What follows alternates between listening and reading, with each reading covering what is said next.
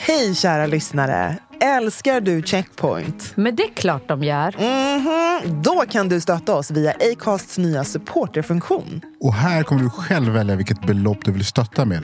Och framförallt, ingen bindningstid. Klicka på länken i poddbeskrivningen och hjälp oss hålla podden i liv.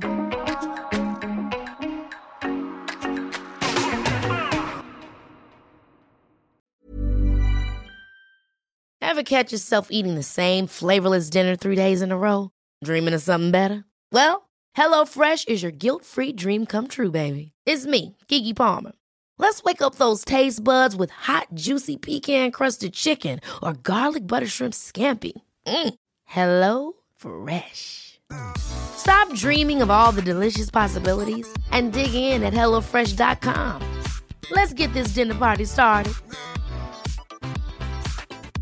Hey, I'm Ryan Reynolds. Recently, I asked Mint Mobile's legal team if big wireless companies are allowed to raise prices due to inflation. They said yes. And then when I asked if raising prices technically violates those onerous two year contracts, they said, What the f are you talking about, you insane Hollywood ass? F- So to recap, we're cutting the price of Mint Unlimited from $30 a month to just $15 a month. Give it a try at mintmobile.com slash switch. $45 upfront for three months plus taxes and fees. Promo rate for new customers for limited time. Unlimited more than 40 gigabytes per month. Slows. Full terms at mintmobile.com. Den här är jäkligt härlig. Ehm, en kvinna hade bokat tid på vårdcentralen. Hon satt i väntrummet och väntade på sin tur.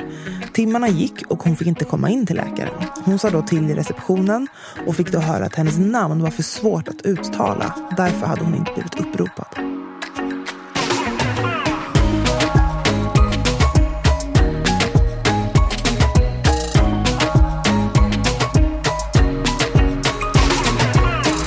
Välkomna till Checkpoint avsnitt 25!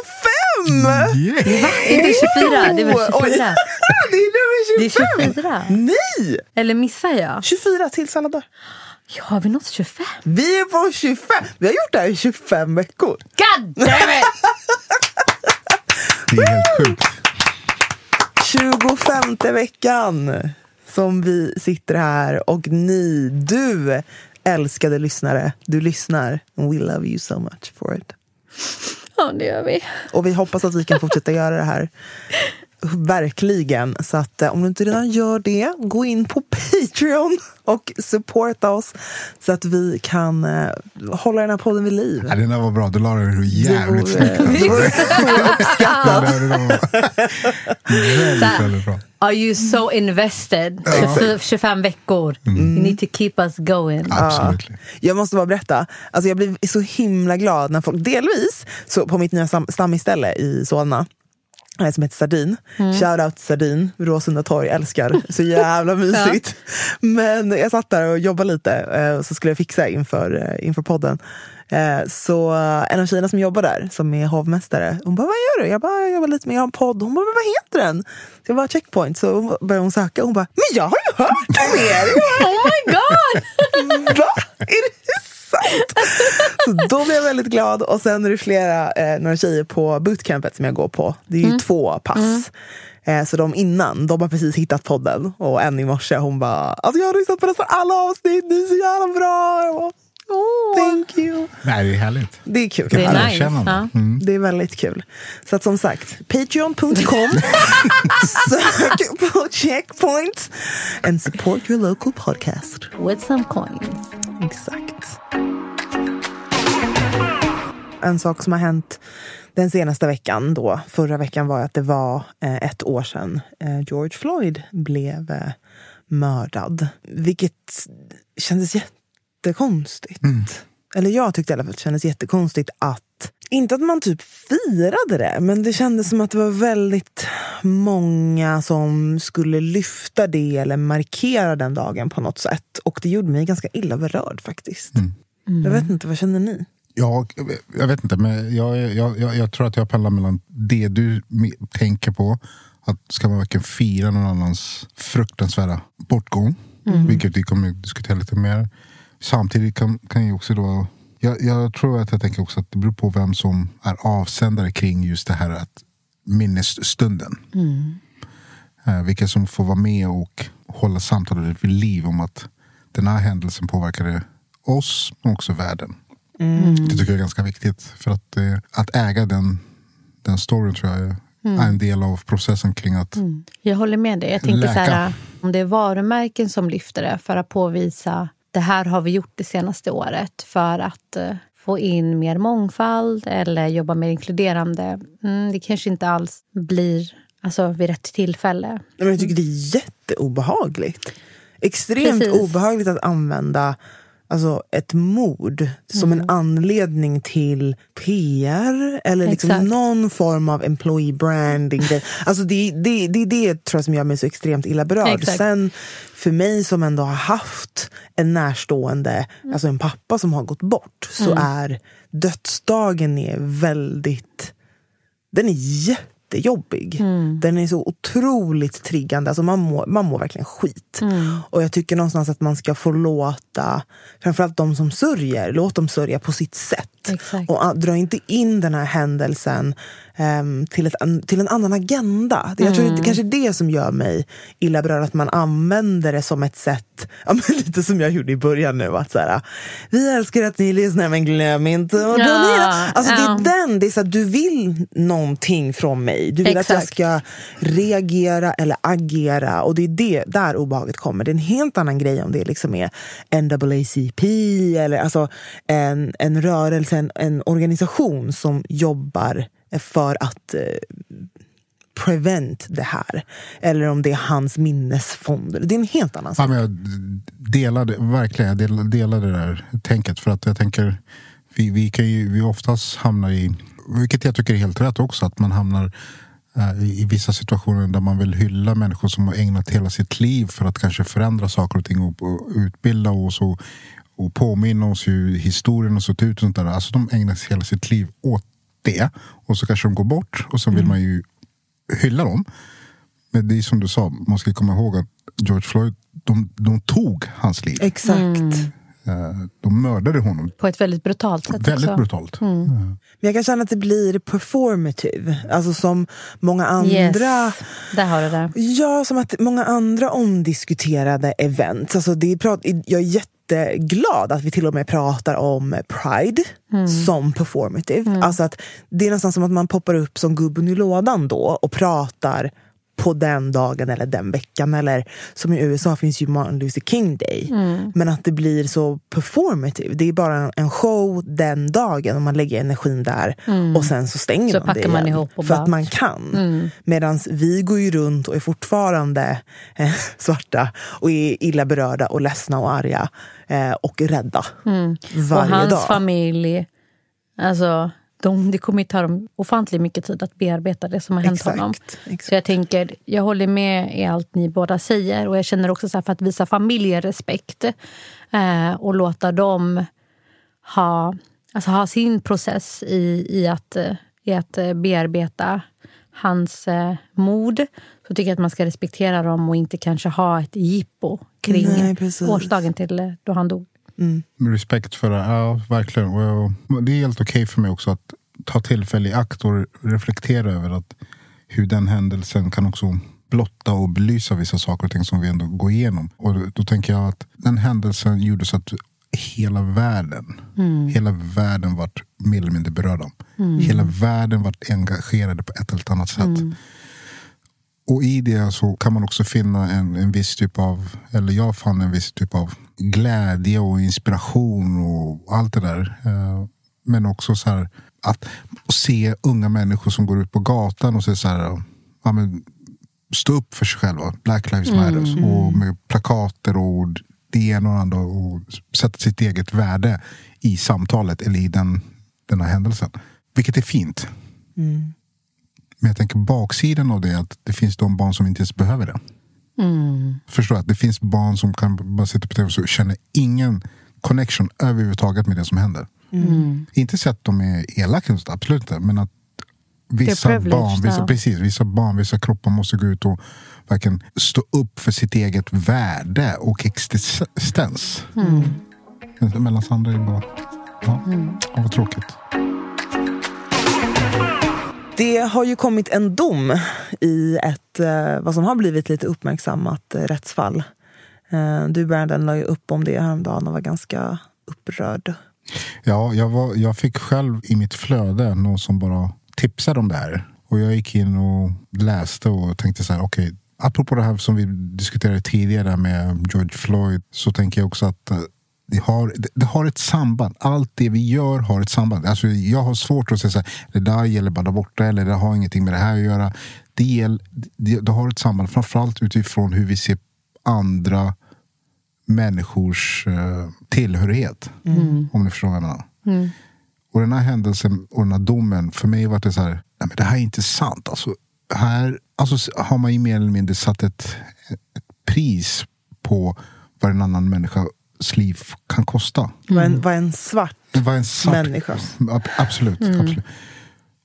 Och det gjorde mig väldigt arg, mm. ledsen och väldigt förvirrad. Mm. Än idag. Mm. Så jag, jag, förstår inte. Så att den här domen, det var väl i, i vad var det? Någon vecka sedan. Ja, men vart var det någonstans i Stockholm? Ja, i, i Göteborg. Västra Göte Götaland ja. vet jag att det var. Jag ger en ja. recap till eh, den som inte vet. Och det är att det var ett fall i Göteborgsområdet där en eh, person, man ringde en ambulans eh, för att en man hade tidigare under dagen ramlat och slagit huvudet Um, och mådde väldigt dåligt. Mm. Och ambulanspersonalen nekade honom vård. Uh, han svimmade på plats när ambulanspersonalen var där. Varpå man, man tyckte att det var inom citationstecken en kulturell svimning. Kulturell svimning. Kulturell svimning. Att den här mannen fejkade eh, sina symptom. Och efter mycket tjat så, um, tog de, så tog de in honom till slut. Men det tog för lång tid. Mm. Det visade sig att han hade fått en stroke och eh, hamnade i koma och senare eh, gick Avled, bort. Ja. Och det här har nu tagits upp i, mm. i rätten. Eh, det gjordes en, en anmälan mot dem och de dömdes för, jag vet inte exakt vad domen var, men skadeståndet då som familjen får på grund av att eh, mannen gick bort var på 80 000 kronor. Dödsboet, eller mannens dödsbo där, mm. 80 000. Men det, det har kanske inte med saken att göra, men på det, allt det här så måste man säga att ja, men, det var en svart person. Mm. Och personen själv var också läkarstudent eller läkare. Mm. Så att, det gör ju en också att det spelar egentligen ingen roll hur man kämpar sig in i det här samhället ibland. Så kommer man bli bemött på ett visst sätt. Men, och, och den här koden, som om, man, om, man, om man uttrycker kulturell svimning. För mig blir det så att han säger inte det från tomma intet. Liksom. Alltså det, kommer, alltså, förstår, nej, nej. Det, det, betyder, det, det, är någon slags intern Exakt. kodning av hur man definierar andra människor. Eller, ja, förstår menar? Det, andra är... människor med annan etnisk bakgrund. Precis, ja. Och då tänk, det jag blir så här fundersam över, vilka andra vilka andra beteckningar eller Precis. ord kopplat till alltså så sjuk, mm. sjukdomar har de för, för våra grupper? Alltså, jag tror inte att det bara är kulturella svimningar. Det, det, det finns säkert fler, flera termer som de använder. Och för mig är det bara... Men det är ju för att de inte kan eller vågar skriva den här, jag vill inte ge den här personen vård eller jag tror inte att den här personen... Alltså de så då har de myntat kulturell... Ja, så det är ett begrepp som de skriver, för det här var ju skrivet i flera gånger mm, i mm. journalerna mm. eh, och var tydligt dokumenterat. Och också när de började intervjua dem så var det någonting som, som du säger, som är myntat. Ett myntat begrepp som en del av personalen använder. Eh, det är ju skrämmande. Väldigt obehagligt. Ja, för att Åh, oh, fy fan. Nej, men någonstans också att man inte känner... Det är det som är så intressant. Känner man inget samvete heller efter att personen har gått bort? Alltså, du har verkligen gjort en extrem felbedömning. Mm. Men det, är ju också, det fanns ju ett annat fall i, eh, i Malmö där den här unga killen som var 16 nekades vård. Eh, som hade jättehög feber. Mm. Eh, visade sig att han, hade, han fick ju sepsis och dog. Och de vägrade ju ta, honom, ta med honom i ambulansen för att mamman inte pratade bra svenska. Eh, jag tror att han var nigerian. Och eh, de, dessutom att de fick ta en taxi till sjukhuset. Och han fick inte vård på plats heller, alltså på eh, akuten. De, de väntade två, tre timmar och då hade han redan blivit medvetslös. Det finns en rapport kopplad till eh, mödradödlighet mm. som påvisar att eh, utrikesfödda kvinnor dör i högre utsträckning i mö, mödrar, ja, mödradödlighet på grund av Eh, en av anledningarna tror man inom vården att det handlar om just språkbrister. Eh, men kollar man lite djupare på det så finns det ju hälsoskillnader i vården. Alltså, vården är inte jämlik.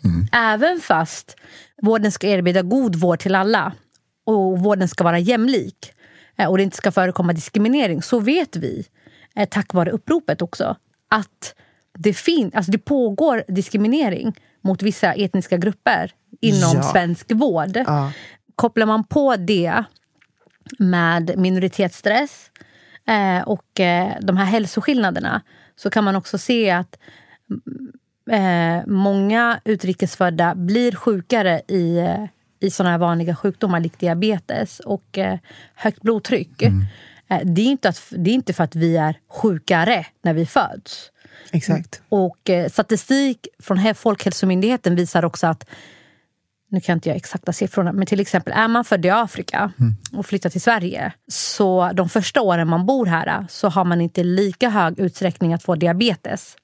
Men efter att man har bott i landet i flera år, jag tror, jag tror att det är mer än sex år, då skjuter det höjden. Alltså man är i större risk att få diabetes. Jämför man med svenskfödda så är det en jättestor skillnad. Varför det?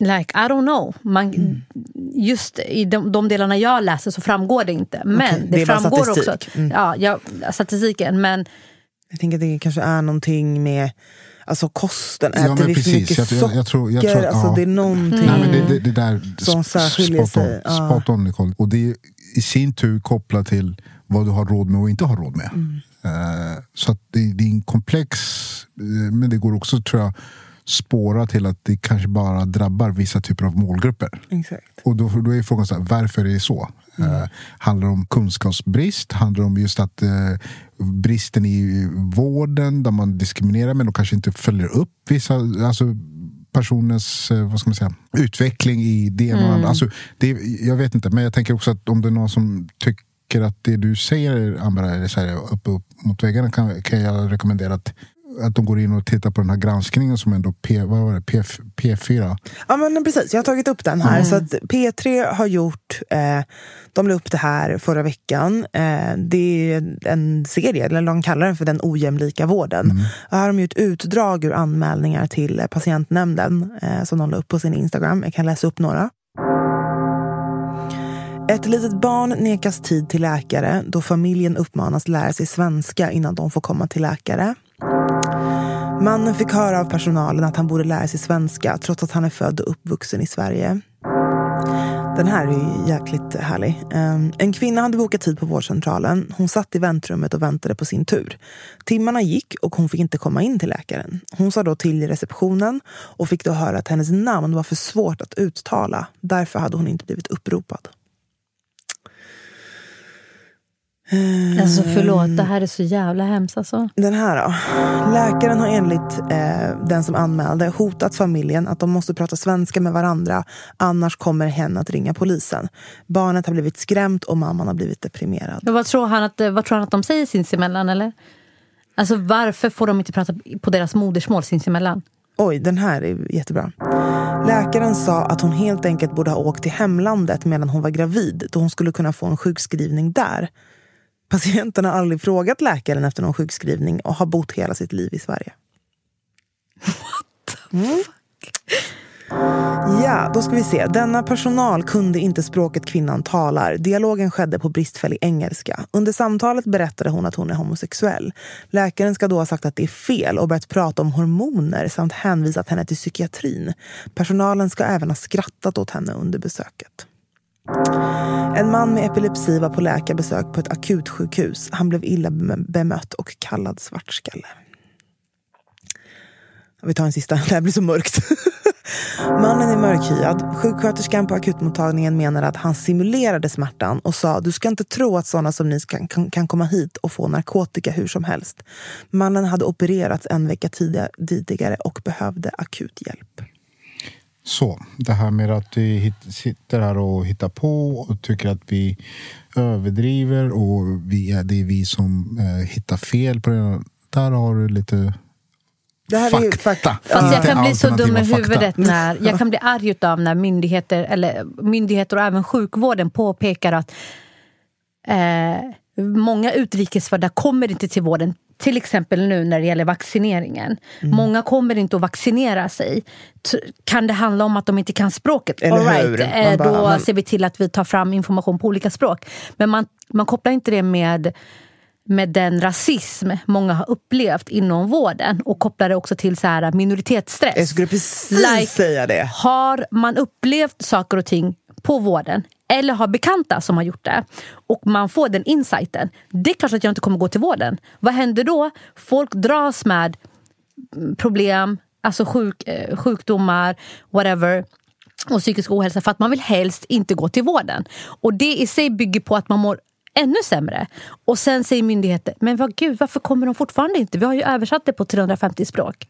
Nej, men det blir ju också den här, äh, vet ni, det, det blir en form av kolonialistisk tänk. Där man tänker att så här, de här du vet som har bott i hyddor, de kan ingenting. We gave you intelligence och imperialism, jag vet inte. Men det är någonstans som att vi åker tillbaka till det. Att så här, hörni, vaccin, medicin! Det finns medicin, du behöver inte göra någon liten grej. Man bara, men det är inte därför. Det är inte Det därför. är inte därför. Det är alltså absolut inte därför. Alltså, Hjälp. och jag kan, jag kan bli så irriterad över det. Eh, och speciellt när man ser att de här ojämlikheterna som man upplever i vården leder till att man inte får rätt typ av vård och behandling. Like, hur kommer det sig? Ja, det är sorgligt. Och, eh, och här diskuterar vi ytterligare ett område som ger fakta på fakta på fakta om hur vissa människor blir bemötta. Och det här går inte heller isolera till ett, en enda sådär. Nej men det händer bara i vården. Nej men det här kan vi också lyfta. Vi har ju pratat om hur arbetsmarknaden ser ut. Ja, precis. Vi har ju pratat om hur bostadsmarknaden ser ut. Vi har ju pratat om, nu pratar vi om sjukvården. Vi kan gå in och prata om hur människor upplever polis och alla slags andra myndigheter. Så snälla, jag tänker så här. Jag finner inget intresse eller ork att hela tiden diskutera det här. Nej, Faktiskt. nej, jag fattar. Men samtidigt känner jag så här. Om jag inte gör det, om inte vi gör det. De, de som inte blir drabbade här kommer inte heller vilja göra det. För att det, de drabbas inte det. Det är, ing, det, det, det är inte deras vardag. Men samtidigt så, så jävla tröttsamt. Att, att det är så här, vi har så mycket kunskap, eller det finns så mycket rapporter, data och allting. Och sen ska man tänka så här, okej, hur- nu ytterligare någonting som bekräftar någonting som jag redan vet. Men för att jag ska läsa det här och tolk, göra en tolkning och göra det begripligt för någon, någon annan. Det tar tid och kraft. Ja, verkligen. Förstår, alltså för att de, de kommer inte sätta sig in i det. För att återigen, de berörs inte. Men jag på något sätt, ja, det är inte så att jag tar på mig det här, men jag kan ju känna någonstans att jag har ju möjlighet att lyfta det här. Absolut, det är ju självvalt. Men det är fortfarande fan jävligt jobbigt. Men jag, det- min, min fråga är så här, okej, uppropet från vården har red, alltså gick ut för ett tag sedan. Vad har vården gjort för att verkligen bemöta det som står i uppropet? Har man ett tagit sig tillfälle att prata med målgrupper om hur de uppfattar vården, vad man kan förbättra? Har man pratat med läkarstudenter och frågat vad är det ni saknar i utbildningen? Har man pratat med de som har signat under eh, vårduppropet om okej, vilka, vilka inst- instanser vill ni att vi ska se över? Så att vi också kan tillhandahålla en god vård för alla, svenska, alla som bor i Sverige. För, för det är lite det jag saknar. Bra, bra, det är vi bra. som säger, alltså vi säger this is wrong. Men vad gör de åt saken? Vi säger att man skulle bli, hade blivit av med sitt jobb under pandemin och bara shit, vad ska jag göra nu?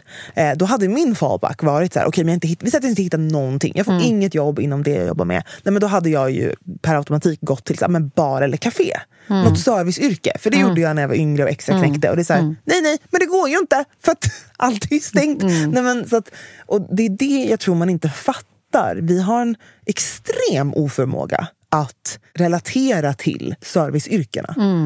Det, den, den, tycker jag, klyftan, den, det, vi har ju inte klass på samma sätt. Men i det här fallet just liksom arbetarklassen Mm. kontra den klyftan ty, tycker jag har växt sen pandemin började. Att Man verkligen Mm. För det var inte, mycket så här, förstår de inte att de ska hålla sig hemma? Man ska ju inte gå ut. Man ska ju inte gå till restauranger. Men det, handlar inte, det, det var inte det det handlade om. Det handlar om som du säger. Vem ska köra din taxi? Exakt. Vem ska städa? Vem ska leverera mat till din mamma som är gammal? Hallå, vem är det som gör det? Och Nå- sätter alltså så här, sin det. life on the risk och är ute och får covid. För att de är tvungna att jobba. Det var det Mm. jag, tänkte, jag satt och tänkte på här nu. Att allt det här ni, ni säger. Och sen bara...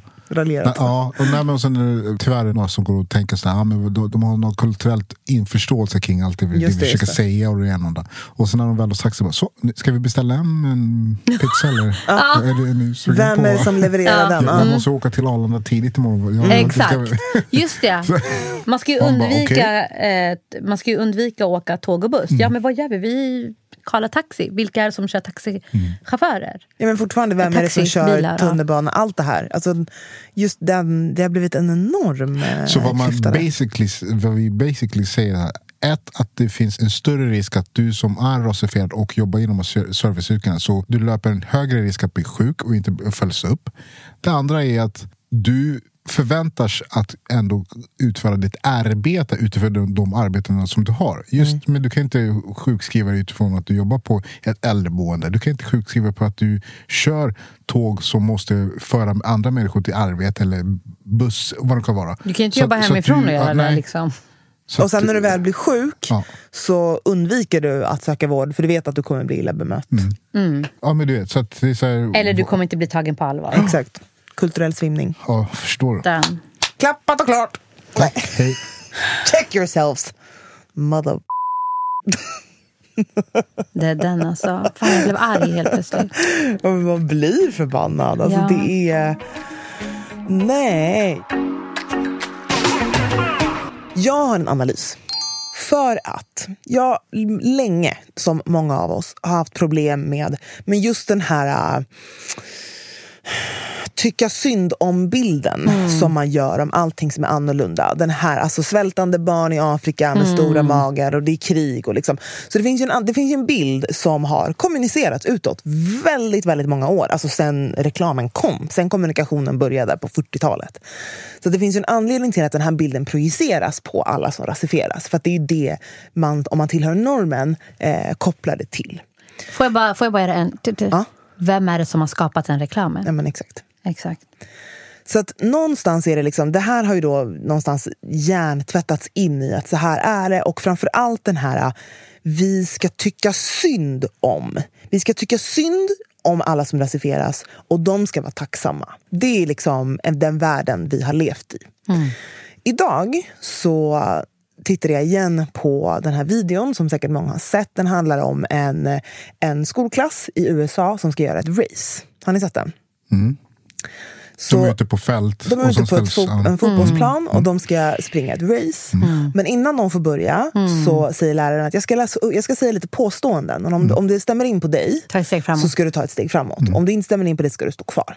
Så börjar han läsa upp. Så här, mina, föräldrar är, eh, mina båda föräldrar är gifta. Jag har aldrig behövt vara hungrig. Jag har aldrig blivit eh, utsatt för rasism. Jag har aldrig varit rädd för polisen. Massa såna. Och så börjar folk ta massa steg fram och det blir ju jätteojämnt. Och alla svarta är där Är längst bak. bak. Och, eller icke-vita är där bak och alla vita är mycket längre fram. Och sen så säger han också att så här, det är ingenting som ni har gjort för att det här ska vara... Ni har inte valt eller gjort någonting utan ni har fötts in i det här. Men tycker ni att det här racet kommer vara jämlikt? Och man ser ju på allas kroppsspråk, de som står fram, de mår ju skit för att de bara kollar tillbaka och bara åh det här känns inte bra. Och svarta mår skit för de är såhär, "Vadå? det här är mitt liv, det här är mitt liv. Minoritetsstressen, du vet pulsen går upp. Och alla vi som tittar på den blir jätteemotionella. Jag blir alltid jätteemotionell när jag Men man ser känner den. igen sig också i så här, okej jag är också längst bak där borta. Exakt, det är där vi är och vi måste springa så jävla mycket snabbare. Det är ju verkligen en, det är inte ens en metafor, det är, du, du känner det i kroppen hur din minoritetsstress verkligen bara är i Kickar hela igång, din, ja. ja.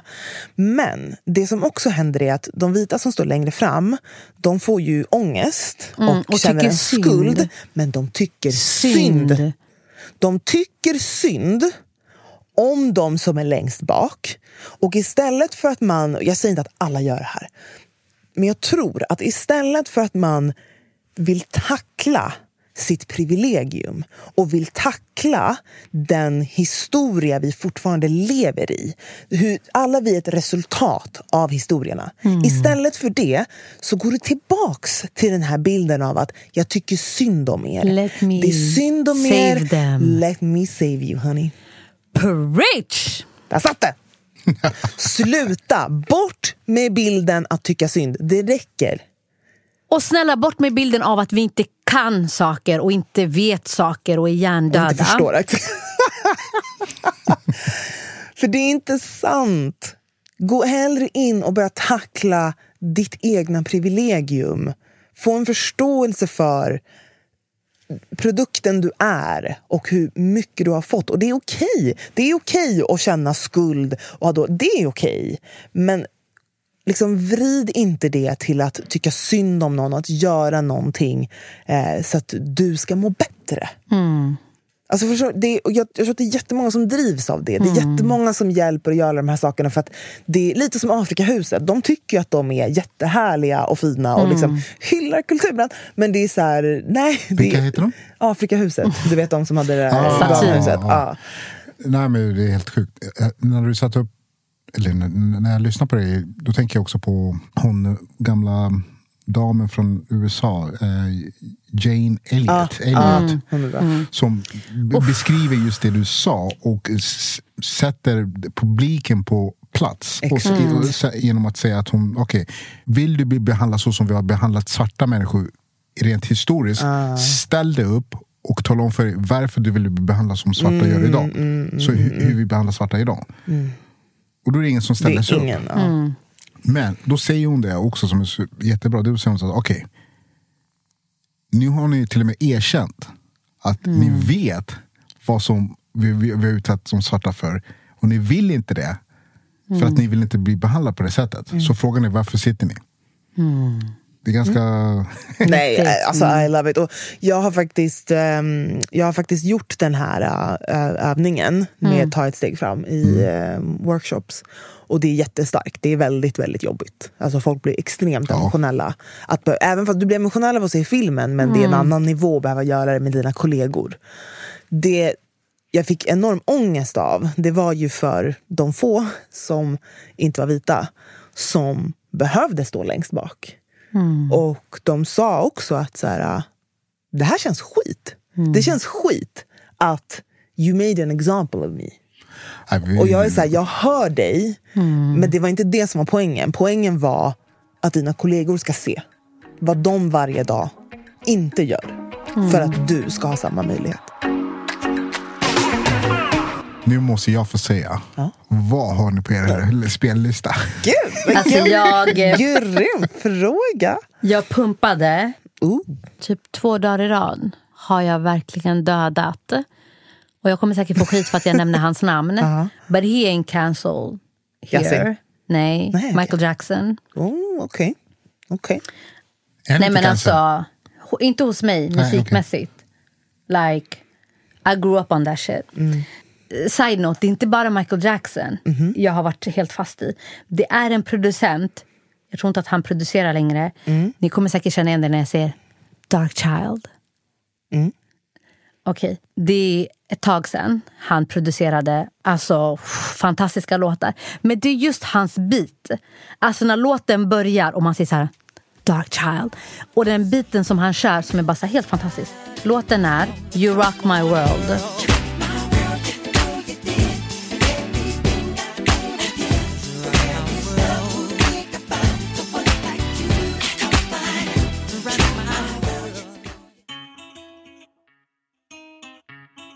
Jag hörde Inte- något... na, na, na, Vill du säga-. Va?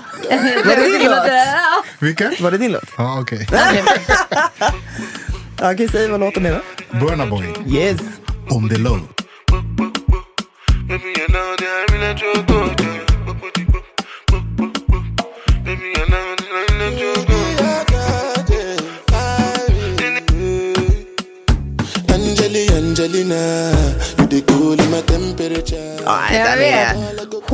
Min dotter, oh, hon kan den. Hjälp vad bra den är.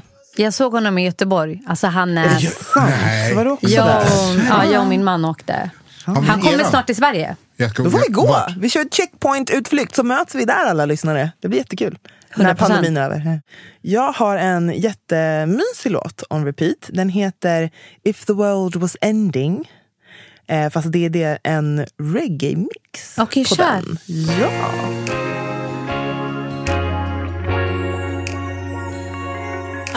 Distracted and in traffic. Didn't feel it when the earthquake happened, but it really got me thinking. Were you out drinking? Were you in the living room? Ja, super eh, Fan, det somrig Vem är så det är det? helt sjukt. Eh, det är med, förlåt, det är med Christopher Martin och Lia Caribe. Oh, det är han som har den här eh, paper chasing. Visst? Jag tror det. Men det här är så jävla Mm. Paper fint Lovin' för att Chasing. det här är också min och min sambos låt. Vi blev ju tillsammans när pandemin började.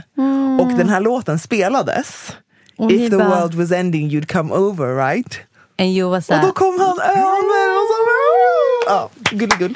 Shout out till Alex, Shoutout till Alex. vår fjärde. Ja, vår copywriter. Yes. We love you. Och kreatör. Ja men eh, grym vecka. Bra jobbat, bra snack. Tack för vattenmelonen cast. Vi ses nästa vecka gänget. We love you. Glöm inte att gå in Patreon! på Patreon. Sök på checkpoint på Patreon. Nu support us please. We love you. Hej då! Checkpoint! Med mig, Brandon och Your girl Anbara.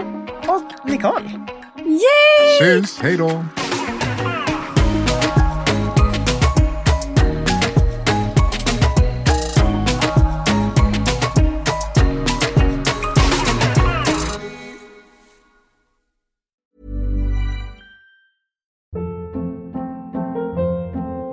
Hold up. What was that? Boring. No flavor. That was as bad as those leftovers you ate all week. Kiki Palmer here, and it's time to say hello to something fresh and guilt-free. Hello Fresh. Jazz up dinner with pecan-crusted chicken or garlic butter shrimp scampi. Now that's music to my mouth. Hello Fresh. Let's get this dinner party started. Discover all the delicious possibilities at hellofresh.com. Hey, folks, I'm Mark Marin from the WTF Podcast, and this episode is brought to you by Kleenex Ultra Soft Tissues, your ally to help tackle your allergy symptoms this season. I love the change of seasons, but nobody loves pollen and all those other things floating in the air that make you sneeze during this nice weather. Kleenex Ultra Soft Tissues are hypoallergenic and allergist approved, so fight back against watery eyes and runny noses without worrying about irritating your skin. For this allergy season, grab Kleenex and face allergies head on.